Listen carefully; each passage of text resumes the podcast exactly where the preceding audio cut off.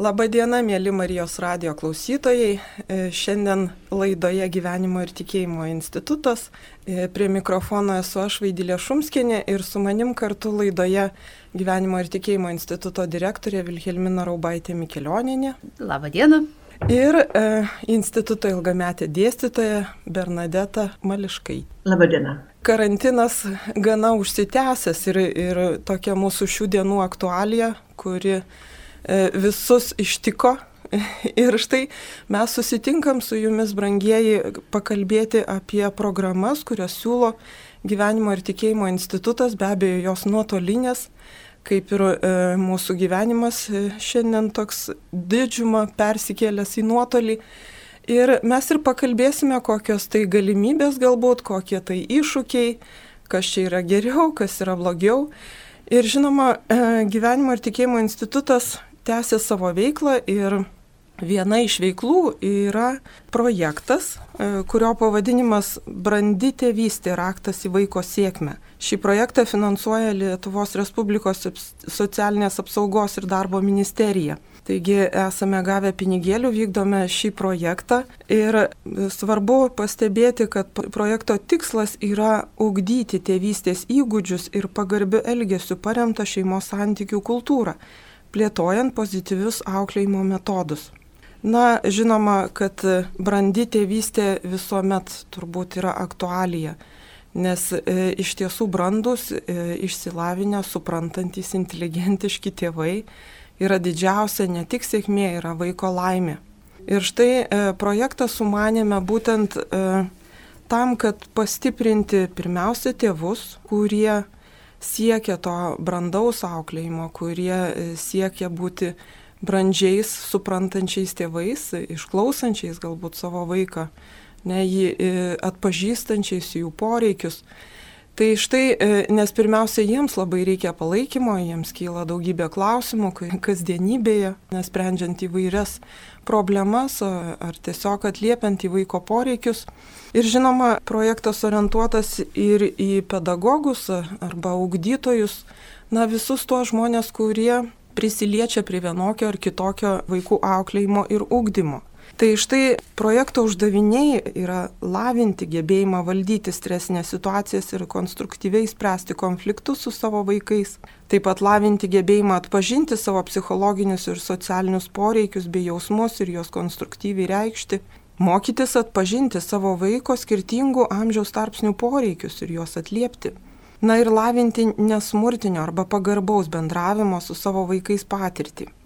Tai iš tiesų orientuojamės į tėvus ir, kaip jau sakiau, pedagogus, ugdytojus, na, visus tos, kurie prisiliečia prie vaiko ugdymo. Ir kadangi karantinas išsibėgėja, ko gero, kad šita aktualija yra dar svarbesnė, nes e, pastebime ir iš savo dalyvių, kad na, žmonės patiria naujų iššūkių kai e, reikia būti namuose su vaikais ir labai ilgą laiką būti su, nam, e, su jais namuose, užtikrinti jų mokymosi galimybės, užtikrinti jų laisvalaikį galų gale, kai patiems taip pat reikia dirbti nuotoliniu būdu. Tai e, iš tiesų problemų tikrai nepamažėja ir, ir palaikymo tai tėvams tikrai reikia, pagaliau ugdytojai, tie pedagogai, kurie dabar vėlgi priversti dirbti nuotoliniu būdu vėlgi susiduria su į, įvairiais vienokiais ar kitokiais iššūkiais ir jiems taip pat labai reikia palaikymo.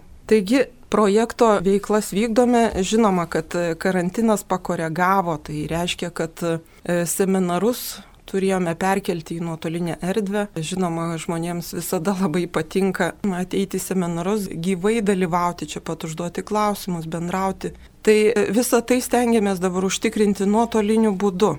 Ir grupėse irgi stengiamės, kad būtų ir pasidalymo, kuo daugiau savo patirtimi, ir be abejo žinių, įgūdžių formavimo, klausimai, atsakymai, kad būtų, kad žmonės tikrai gautų naudos. Taigi e, projekto veiklos tai yra kursai ir seminarai. Vienas iš kursų tai yra savęs ir kito pažinimas naudojant bibliodramą. Na štai labai įdomi veikla, seminaras. Tai pirmiausia, galbūt kas tai yra bibliodrama? Tai bibliodrama, nu, ne taip jau seniai ir atsiradusi daugiau truputėlį negu prieš 30 metų ir jinai atsirado ir Amerikoje, ir Europoje maždaug tuo pačiu metu.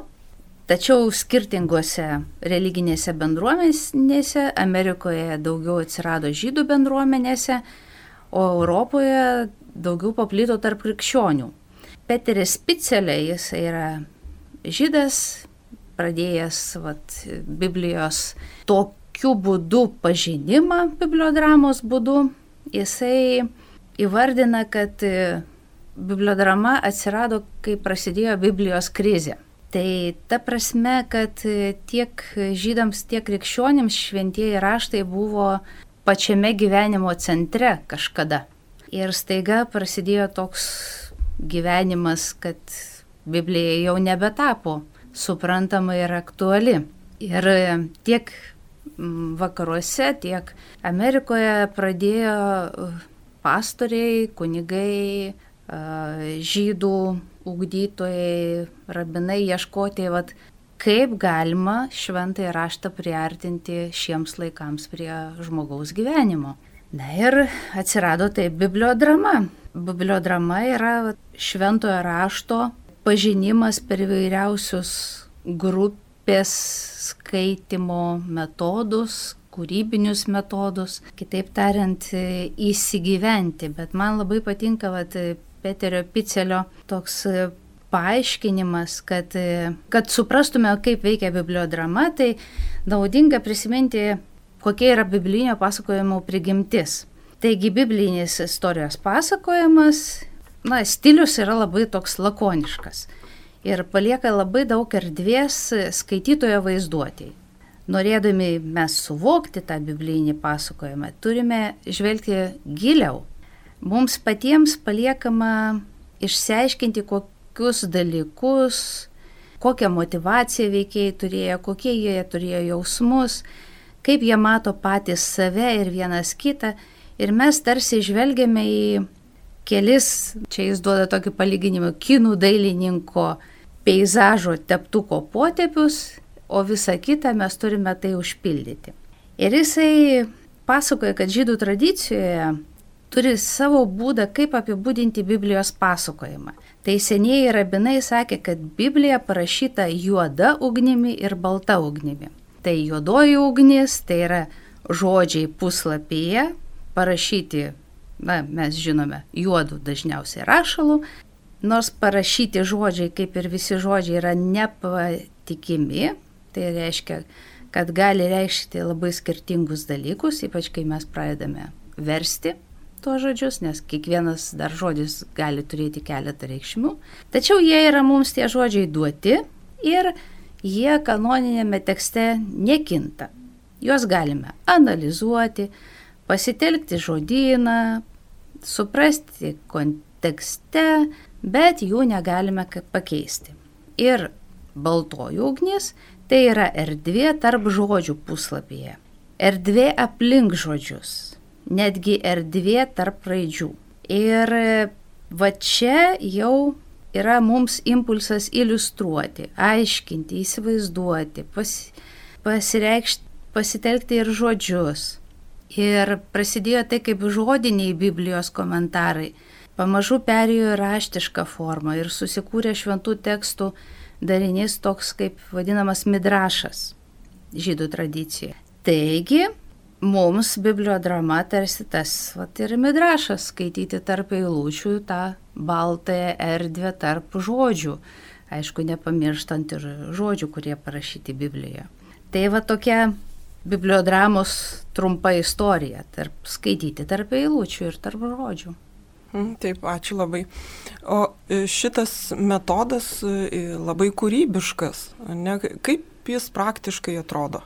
Ką jūs veikiate grupėse, na, jau sakytume, katalikų grupėse, ne čia, na, pažydus pradžia, bet kaip vat, praktiškai šiandien katalikų grupėse, na, ką jūs ten veikiate? Tai aišku, labai pasikeitė bibliodramos veikla, kai mes persikeliame nuotolinę erdvę. Man bibliodrama katalikų tradicijoje tai yra malda.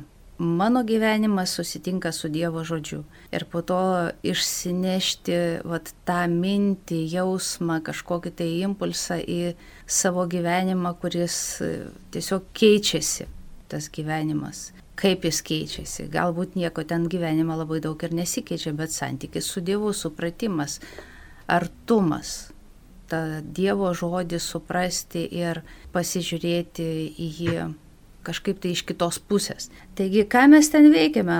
Labai paprastai. Nuotoliniu būdu pradėjau bibliodramą per adventą daryti, vesti ir e, mes susitikom su grupėmis kas savaitę penkis ar šešis kartus. Viena grupė mažiau, su kita grupė daugiau kartų buvo iki kalėdų ir skaitome pirmiausia, Pirmiausia, daug kartų skaitome, skaitome visoje grupėje, skaitome asmeniškai, pasižymim, kas patraukia mūsų dėmesį va, tame tekste ir kas, kokie kilo klausimai, kas buvo svarbu. Šiek tiek tai yra panašu į lekcijo diviną galbūt metodą, nes nu, bibliodrama iš esmės yra, sakyčiau, lekcijo divina ant scenos grupėje. Tai va, ir, ir tada būna kažkokia tai užduotis. Tai gali būti, mes žinome, radio teatrą. Tai vėl mes e, pasirenkame tam tikrus vaidmenis ir kalbamės Biblijos veikėjų tekstais arba savo vaidmenis turime šitame Biblijos tekste. Stengiamės pažvelgti į, nu, ką ir prieš tai sakiau, į visus veikėjų jausmus, į kontekstą. Kartais būna labai asmeninės užduotis ir aš norėčiau pacituoti vienos dalyvės tokį atsiliepimą, vad ką jinai patyrė, kai buvo bibliodramoje pirmą kartą. Ir jinai rašo, neturiu su kuo palyginti. Norisi pasidalinti vieną mintimį apie tai, kaip stebuklingai Dievas mus sukvietė į grupę atsitiktiniu būdu. Grupė žmonių pasidalinimas savo asmeninę patirtimą man buvo didžiausia dovana. Pas, privertė susimastyti apie trapę mūsų būti šioje žemėje. Man aktualiausia buvo pasidalinimas apie vaikus, kurie rodos būnant nuotoliniu būdu namie 24 valandas kartu kelia daug rūpeščių. Kyla pikčio, nerimo jausmai. Išgirdusi moterų palaidojusių savo vaikus patirtį, buvau priversta perkainuoti savo vertybės keisti mintis. Mane tai labiausiai sujaudino. Nors tik penkis kartus susitikome, moteriams pajutau artumą ir bendrystę, dėkingumą už jų atviras širdis, dalinti tuo, kas labai gilu. Nepaisant visų karantino iššūkių, aš išžiūriu nuostabes galimybės susitikti su žmonėmis iš kitų miestų, nes šiaip jau jų nesutikčiau. Į Kauną net važiuočiau. Taigi be galo didelė bibliodramos dalis yra pasidalinimai. Tas Dievo žodis susitinka su mano gyvenimu. Ir aišku, po to susitikimo visą savaitės, visą savaitę mes nešiojamės tą mintį, žodį, frazę, kas vat, mane palėtė susitikimo metu ir galbūt pabandome tai įkūnyti kokiu nors ar piešiniu, nuotrauką, kažkokiu simboliu. Ta savaitę mes nešiojamės tą dovaną, kurią gavome iš Dievo žodžio. Ačiū, La, labai turtinga patirtis. Taip. Atrodo, dalyvių gimsta iš šito seminaro. E, projekto rėmose yra seminaras savęs ir kito pažinimas, naudojant bibliodramą. Gal galite plačiau apie temas, apie tikslą? Tai tikslas e, buvo vėl sukviesti ir tėvus, ir vaikus į vieną grupę ir per biblinius vaidmenis, personažus pasižiūrėti į mūsų šeimos santykius, e, labiau pažinti ir save, ir vat, savo šeim, šeimos narius. Tačiau dabar vyksta bibliodrama pagal šitą projektą Marijampolė, bet ne, neužsiregistravo nei vienas vaikas. Taigi tik tai mamos susirinko. Sako, galiu aš atsivesti tą vaiką, bet e, nuotoliniu būdu iš tikrųjų labai labai sudėtinga būtų va, turėti tokią grupę. Bet man labai džiugu, kad e, tą patirtį, kurią mes turime va, susitikimų metu, dalyvės e, panaudoja arba savo šeimoje, arba yra mokytojų nemažai. Tai mokytojas tą patirtį panaudoja su savo mokiniais ir labai džiaugiasi, kad veikia ant mokinių, kitaip tariant, kabutėse čia veikia, kad iš tikrųjų tas vad būdas bibliodramos, jisai šventą raštą padaro tokį suprantamesnį šių laikų vat, ir jaunimui, ir žmogui, kuris dalyvauja. Ir dar, dar vienas man toks vat, pavyzdys labai atrodo labai svarbus, kad e, dalyvavusi viena sesuo vienuolė, sako, nu, kad kiekvieną dieną yra mąstymas su šventuoju raštu vienuolinė. Ir tai buvo tapę jau kaip tokia prievolė, tiesiog motivacijos nulis, jau tas raštas nekalba, o tik tai vat, pareigą atlieku. Ir vat keli kartai dalyvavimo bibliodramoje sako, nu taip, vat pagyvino, atgaivino, suteikė kitą visai žvilgsnį į švento rašto tekstą, kaip galima skaityti ir iš jo pasisemti kažkokios išminties savo. Tai labai skirtingai žmonėm, bet, nu, tas, Ačiū. tas yra naudinga. Ačiū labai. Dar viena projekto veikla yra kursas, kuris grindžiamas nesmurtinio bendravimo metodu. Raktas į sutarimą. Keturi pagarbaus bendravimo su vaiku žingsniai. E, pristatykite šį seminarą, kokios temos paliečiamos, kas gali jį lankyti, ar reikia jau turėti kokiu nors žinių, pavyzdžiui, psichologinių, ar geriau eiti po vieną, ar, pavyzdžiui, su toktiniams abiems kartu. Raktas į sutarimą, ar ne? Turbūt tas raktas, kad mes visi norim sutarti su savimi ir su kitais. Deja, neretai turim geriausius ketinimus, o rezultatai apgailėtini švelniai tariant, nesusišnekam, nes trūksta raštingumo ir sažiningumo. Aš pradėsiu truputėlį iš toliau. Žiūrėkit, žmogus turi dvi akis, dvi ausis ir tik vieną liežuvį kalbėti. Ir manau, kad supratome, kad kas daugiausia turi darbo - ausys, akys ar liežuvis. Tai užuot klausę savęs ir kitų įsižiūrėję, mes dažnai įpratę tiesiog automatiškai tai darom, akimirksniu įvertinam ir tada jau apkaltinam kitą tikėdamiesi, kad jis susigės ir kitą kartą tikrai pasitaisys ir taip neselgs. O tas išgirdęs, kad jį vertina nelabai gražiais epitetais, kaip tu melagis, tinginys ir vėl pavėdėjai, atsako tuo pačiu. Tu pats melagis, tu pats tinginys, arba tu pavėdėjai, arba ginasi. Ir čia toksai, toks dažnas mūsų bendravimo vaizdelis. Dėl aiškumo galiu tiesiog pavyzdį duoti. Pavyzdžiui, grįžta mama iš darbo ir mato neplotų indų stirtą nors buvo tartasi, net grafikas sudarytas, kas kada plauna. Pyktis, kyla mo, žiūrint į, tas, į tuos indus mamai. Jie manęs negerbė, tinginiai, kas iš jų išauks, nesilaiko žodžio, jam tik muzika ar draugai. Nu, žodžiu, mulkis. Ir visą tai ištransliuoja. Ką galvoja sūnus arba dukra. Baisus čia dalykas, pamiršau, užėjo draugas. Po vakarinės iš karto viską suplausiu, ko jie kimba darbe nepasisekė. Žodžiu, santarvės ir gero vakaro nelauk. O giliau pažvelgus ir įsigilinus, ką mama norėjo pasakyti, tai pamačius tuos neplautus indus, jai buvo svarbu, kad dukra ar sunus laikytųsi susitarimu. O žinutę pasiuntė. Niekas tau nerūpi, tu egoistas, nieko už tavęs nebus. Žodžiu, esi mulkis. Ir pasiuntus tokią žinutę paaugliui, turbūt sunku tikėtis, kad jis nuo jos atsiribos ir supras mano mama pyksta, nes aš nesilaikau susitarimu, o jai tai labai svarbu. Taigi, kursas, sakyčiau, yra kaip konfliktinėse situacijose suprasti ir susitarti, ko aš iš tiesų noriu, ko kitas noriu, nori, ką matau, ką jis mato, ką jaučiam, kokie mūsų poreikiai, ko prašom ar reikalaujam. Tiesiog kaip pasiūsti teisingą SMS. O temos susijusios paliečiamo kurso metu tai susijusios su tais sunkiais atvejais konfliktai nuoskaudos jausmai kaip juos pažinti kaip neslėpti jų nuo savęs poreikiai mūsų. Žodžiu kaip realiai atpažinti ir įsisąmoninti kas vyksta su manimi ir su kitu. Ir koks tas kelias kurį siūlo rozenbergas kuris gali padėti mums susikalbėti. Į seminarą iš tikrųjų kviečiami visi norintys kuriems svarbiau pažinti save kitą ir kurti kokybiškus santykius. Visada geriau, kai ateina abu tėvai, bet tai nėra kliūtis ateiti ir seminarą lankyti vienam iš tėvų. O kas dėl psichologinių žinių, tai manau, kad gyvenimas praktika tiesiog mums jų suteikia. Ir čia kažkokio specialaus pasirinkimo tikrai niekas nereikalauja.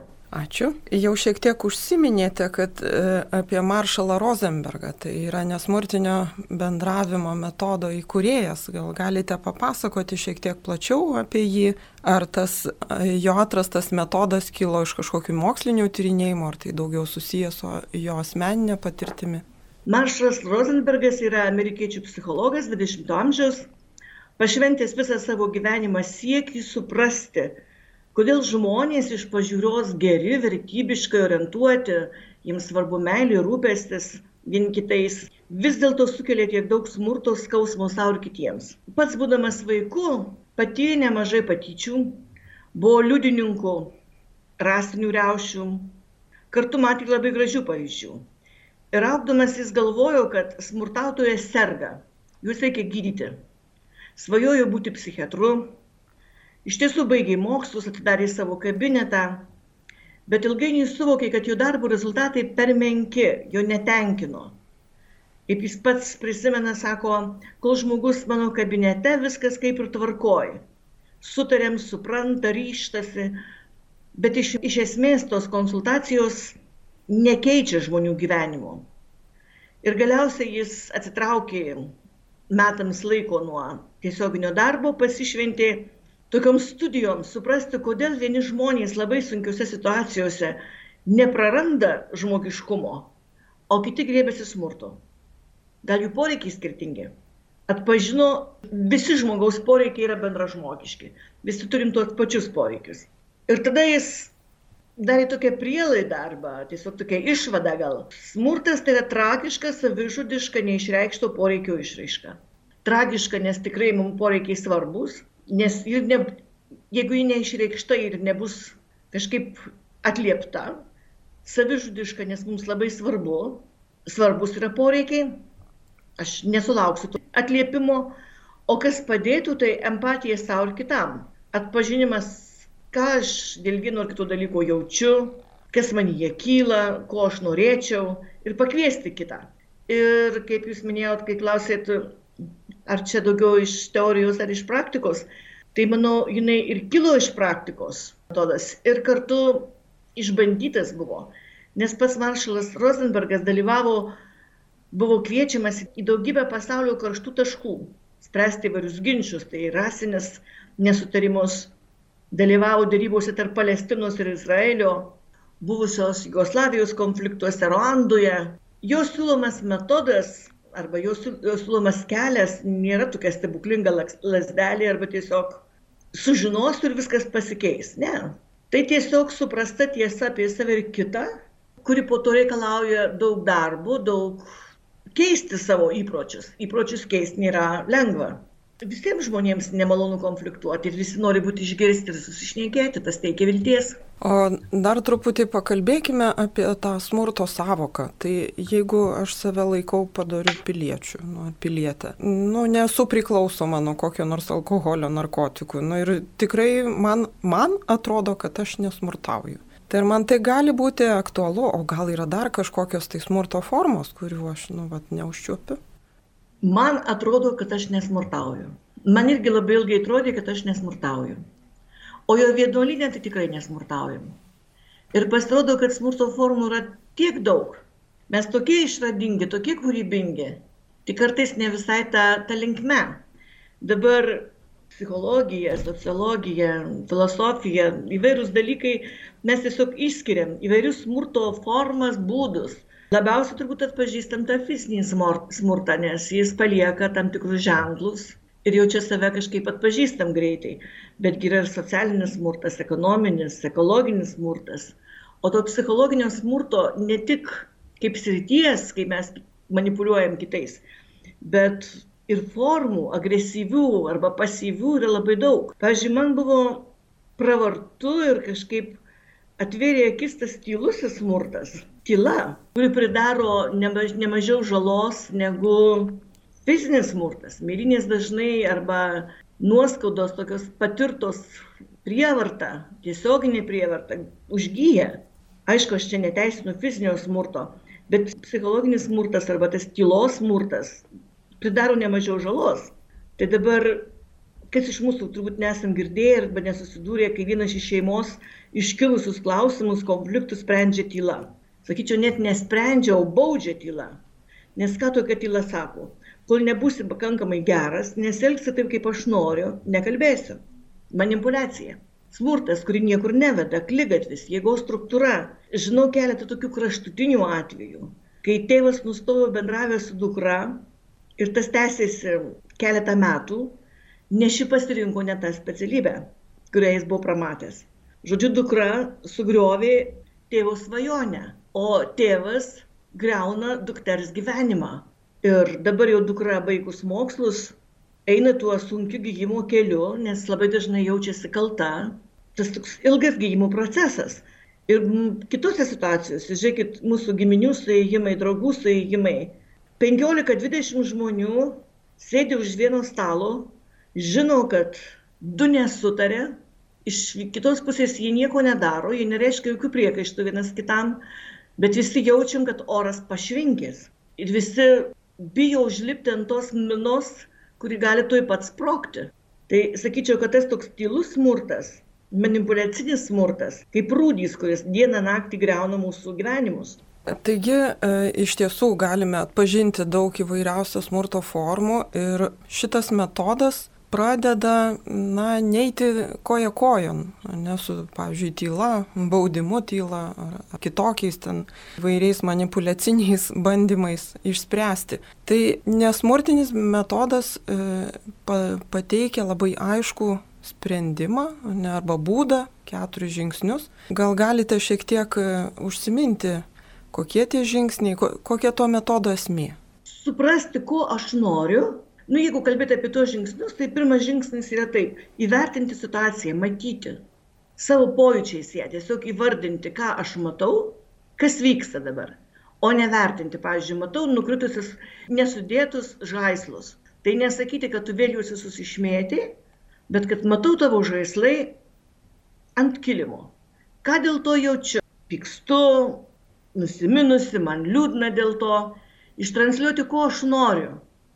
Noriu, kad tu laikytumėsi susitarimo, po žaidimų susidėti daiktus į žaislų dėžę. Ir ko prašyčiau, o ne įvairiausiais epitetais išsakyti, kaip aš tave vertinu, kad tu vieno ar kito veiksmo nepadarėjai.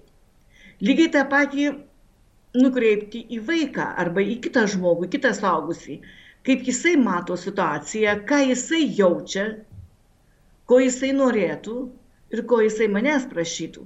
Gal mes abu eisim ir padės aš jam sukrauti tos žaislus. Arba mano poreikis dabar labai greitai namo važiuoti iš draugų ir kaimynų kažkokio susitikimo. Bet vaikas dar nebaigė savo žaidimo. Jis visas dar įsijungęs jame. Mes dažnai saugusieji ką darom? Atidarom duris ir sakom, nu, staigiai renkis, važiuojam. Tėtis jau mašiną užvedęs. O gal vis tik tai, vat, ką vaikas išgyvena tam, tam žaidime, mes visi žinom, mes visi buvom vaikais. Gal jam duoti laiko ir sakyti, už kiek laiko tu būsi pasiruošęs važiuoti, kiek laiko tau reikia užbaigti žaidimui. Nes ką jis jaučia. Tai tas susikalbėjimas, vat, išgirdimas savęs, kito ir ištransliavimas tikros žinutės, o ne tos vertinančios, kritikuojančios, kuri nesprendžia situacijos. Galbūt vaikas iš baimės tą padarys, galbūt nutils, kažkokiu kitokiu būdu reikš nepasitenkinimą arba save tiesiog nepasitikės, kad gali atvirai kalbėti, ko jam reikia. Ir tas neveda į kokybišką ryšį. Taigi, mėly Marijos radio klausytojai, kviečiame į tokį e, svarbų, sakyčiau, kursą, kuriame mokysimės bendrauti, ar tų bendravimo įgūdžių, kurie tikrai veda į nuoširdų, atvirą ir gilų bendravimą iš širdies į širdį.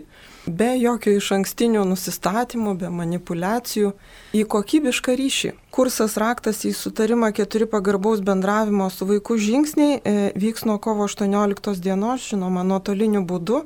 Pastebime, jog grupė labai greitai pildosi ir vietų jau liko visai nedaug. Bet tikrai svarstome, matome tą didelį poreikį žmonių, na, vad būtent šitom temom, tiem seminaram, Ir tikrai svarstome galimybę, manau, kad e, iš karto po Velykų paskelbsime dar vieną grupę. Tai e, tikrai e, kviečiame, laukiame jūsų, jeigu jums svarbu sutarti savo ir artimoje aplinkoje, ir tolimesnėje, galbūt tai lies darbo santykius, gal e, giminių susitarimo santykius, na, pačius įvairiausius. Na, e, o dar viena labai svarbi gyvenimo ir tikėjimo instituto veiklos sfera, tai yra seminarai, rekolekcijos e, skirti gavienios laikui. Kaip tik turbūt jau esate galbūt ir susipažinę su Lietuvos viskupų konferencijos e, paskelbtų laiškų Lietuvo žmonėms gavieniai. Ir štai gavienė jau, jau čia pat, toj pat prasidės ir tarp visų e, kitų dalykų viskupai ragina. Sako, visą gavienios metą bažnyčia mus, mums dosniai siūlo Dievo žodį. Jį skaitydami ir apmastydami, melzdamiesi, išnaudokime šį laiką tikėjimui auginti. Cituoju e, viskupų laišką. Vėl iš naujo atraskime šventą įraštą, kuris nekartai mus prabyla paguodos ir padrasinimo žodžiais. Mąstykime Kristaus kančią asmeniškai eidami kryžiaus kelią ar namuose gėdodami graudžius verksmus Ir dar prideda Lietuvos viskupai, nuotoliniu būdu dalyvaukime rekolekcijose, įvairiose gilinimos įtikėjimos liepinius iniciatyvose, šventojo rašto studijų ir maldos grupėse, kurios padeda priimti Dievą ir jo valią mūsų gyvenimą. Kasdien junkimės į bendrą šeimos maldą, kuri stiprina visuose išbandymuose. Taigi, iš tiesų e, ir atsiliepdamos į viskupų kvietimą, na, parengėme e, nemažai įvairių programų nuotoliniu būdu, kurios vienaip ar kitaip ir susiję su šventuoju raštu. Taigi e, viena iš tų programų yra gavėnė su bibliodrama. Ne, ir kviečiame labiau pristatyti, kas tai yra. Tai aš jau prieš tai daug kalbėjau apie tą bibliodramą ir šventąjį raštą. Tai tiesiog e, mes rinksimės kas savaitę nuo vasario 23 dienos ir skaitysime tos dienos arba prieš tai vienos dienos Evangelijos tekstą ir su juo vat, padirbėsime įvairiais kūrybiniais metodais. Ir aišku, vat, labai svarbi dalis, kad į savaitę mes išsinešame mąstymui kažkokį tai žodį arba mintį, kuri kuri palėtė būtent tame susitikime. Arba dar vienos bibliodramos toks rekolekcijos bus vienos dienos, tik tai šeštadienį, tai bus kovo 13 diena. Tai kas nori vakarais arba rytais, tai nuo vasario 23 jau ilga kelionė link Velykų ir baigsime didžiąją savaitę. Arba kas nori vieną dieną, tai kovo 13 šeštadienį. Dar vienas seminaras krikščioniška meditacija, teorija ir praktika. E, gal galite apie šį šiek tiek plačiau? Tai trijų savaičių kelionė gilinantis į Jėzaus širdies maldą. Tai yra tylos meditacija, kurią aš pristatysiu kiekvieną kartą truputėlį su didesniais paaiškinimais ir mes kartu ir tą dieną medituosime. Rinksimės vėl kas savaitę tris savaitės ir kviesiu kiekvieną dieną tai praktikuoti savo kasdienybėje.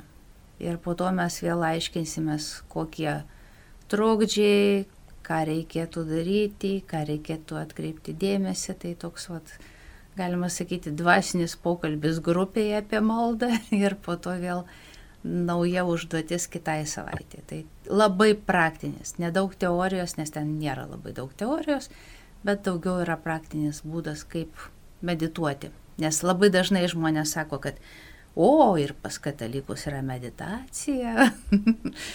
Taigi, mėly Marijos radio klausytojai, dėmesio, kam rūpi ir kas norėtų išmėginti krikščionišką meditaciją. Mes žinome, kad labai populiaru dabar iš rytų atėjusios įvairios meditacijos, budizmo ar panašiai. Bet štai jums siūloma krikščioniška meditacija. Tai kas susidomėjote, Prašome, e, registruokitės į Gyvenimo tikėjimo institutą. Visus skelbimus ir registracijas galite rasti www.gtinstitutas.lt skelbimų skiltyje. Na, o dar viena labai e, prasminga, labai gera programa tai yra dvasinės pratybos. Štai dabar palankus metas. Pristatykite, prašome, šitą programą. Gaviniai iš tikrųjų palankus metas ir pats šitų siūlomų rekolekcijų pavadinimas jis nenurodo rekolekcijų turinio, bet labiau laiką. Bet pats laikas mums nurodo ir turinį, ką Dievas dėl manęs padarė. Nes paprastai mes atpažįstame laiką, kada reikia gultis, kada keltis, kada sėti, o kada derlių nuimti. Tai šitas rekolekcijas siūlom pradėti nuo pelenų dienos, nuo pačią gavienę mes pradedam nuo pelenų dienos. Tai laikas tradiciškai skirtas pasirengti Velykoms, svarbiausia mūsų tikėjimo slėpiniui - Jėzaus mirties ir prisikėlimo slėpiniui, į kurį per krikštą esame visi įtraukti, panardinti. Ir jei Jėzus neprisikėlė, tai tuščias mūsų tikėjimas sako Paulius. Ir tai yra ta geroji naujiena, kas galėjo žmogui atsitikti. Pradėsime nuo kovo antros dienos ir truks rekolekcijos šešias savaitės, antradieniais. Baigsime savaitę po Velykų.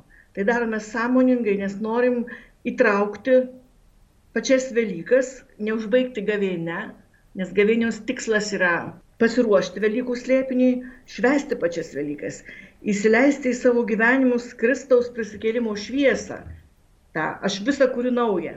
Naujas vynas, nauji vynmaišiai, nauja mano kaip Kristaus mokinio sekėjų misija, kurią per maldą viešpats man atskleis. Pats rekolekcijų žodis reiškia kolekt susirinkt, re iš naujo susirinkt. Toks pakartotinas veiksmas. Nes mums reikia nuolat sustoti ir pasitikrinti kaip keliautojui, ar nenukrypau nuo kurso, ar užtenka energijos, meilės, žinių, patirties, tęsti tikėjimo kelionę.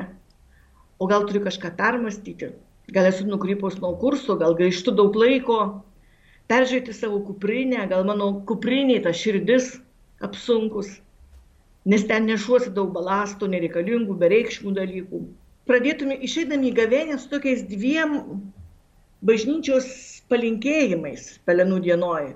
Dulkės ir dulkė pavirsi ir atsiverkite ir tikėkite Evangeliją.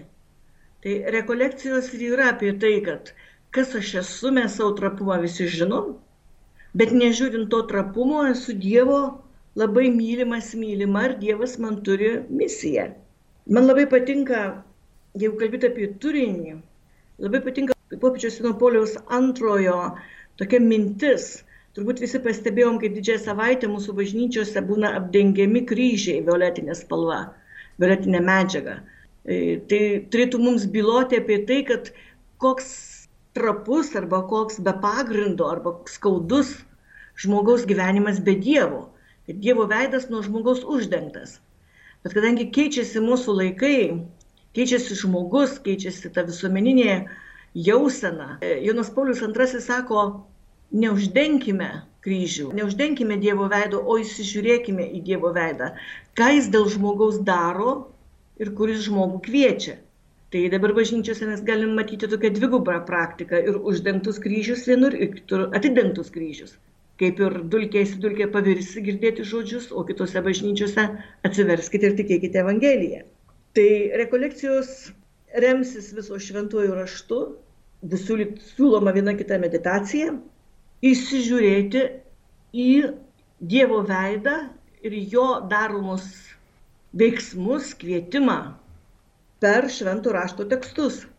Žmonės turės galimybę susitikti bendrai grupėje, pasidalinti patirtim, kaip jiems sekasi malda, kokias išvalgas gauna, paliudyti, ką Dievas veikia jų gyvenime, jų kasdienybėje ir kartą savaitėje susitikti su palydėtoju asmeniškai užduoti klausimus, atpažinti Dievo veikimą. Ačiū. Taigi e, tai programa, kuriems iš tiesų reikia daugiau maldos patirties, krikščioniškos maldos, kuriems reikia vedimo toje maldoje. Taigi laukiame. Ir dar vienas e, seminaras - Gavėnios akcentai su viešpaties tarno giesmėmis. Na, Izaijo knygoje e, skaitome keturias nuostabias e, giesmes viešpaties tarno arba Jahvės tarno giesmes, kurios mislingos, galbūt iš pirmo žvilgsnio atrodo sunkiai suprantamos, bet štai Naujojo testamento autoriai atpažino, jog tai yra pranašyšių išsipildymas, jog tai rašome apie Jėzų Kristų. Taigi seminaro metu skaitysime šitas viešpaties tarno giesmes ieškosime atitikmenų Naujajame testamente ir sieksime pažinti, kuo geriau pažinti Jėzaus asmenį, įsigilinti jo misiją, į jo misijos viršūnę, tai yra kančia ir kokia tai prasmė iš viso to. Kokia tai prasmė reikšmė man, kaip eiliniam e, tikinčiajam, eiliniam bažnyčio žmogui, Lietuvos piliečiui, ką tai duoda man. Ir žinoma, kad e, tokiu būdu ruošiamės šventom Velykom, šitam pagrindiniam slėpiniui. Na ir e, seminaro metu e, kviesime susijungti be abejo nuotoliniu būdu į susitikimus, e, pasidalinti įžvalgomis gautomis skaitant medžiagą, kurią pateiksime taip pat nuotoliniu būdu. E, taigi dalyviai į susitikimus ateis jau šiek tiek pasiruošę. Pasidalinsime grupėse, apibendrinsime ir žinoma, e, visa tai padės mums dar geriau įsigilinti paveikslai. Kurso dalis yra šio laikinių menininkų, dailininkų paveikslai, e, kurie vaizduoja Jėzų ir ne tik, kurie padės mums įsigilinti iš šių dienų aktualijų, vėlgi į Jėzaus asmenį, į Jėzaus liepinį, į jo misiją. Taigi šitas seminaras e, prasidės nuo kovo trečios dienos, tai yra trečianiais keturi susitikimai nuotoliniai tarp susitikimų galimybė e, skaityti medžiagą irgi nuotoliniu būdu, kad ateitume į susitikimus jau šiek tiek pasiruošę. Taigi, e, mėly Marijos radio klausytojai, laukiame jūsų. Esame paruošę šios programas gavieniai, kad tas karantino laikas nebūtų mus labai apribojantis kad e, vis tiek sutiktume šventas Velykas labai prasmingai, išgyventume šitą šventės džiugiai, įsigilinę, matantys prasme. Taigi iš tiesų dirbame jums, laukiame jūsų, registruokitės į mūsų programas www.gtinstitutas.lt skelbimų skiltyje.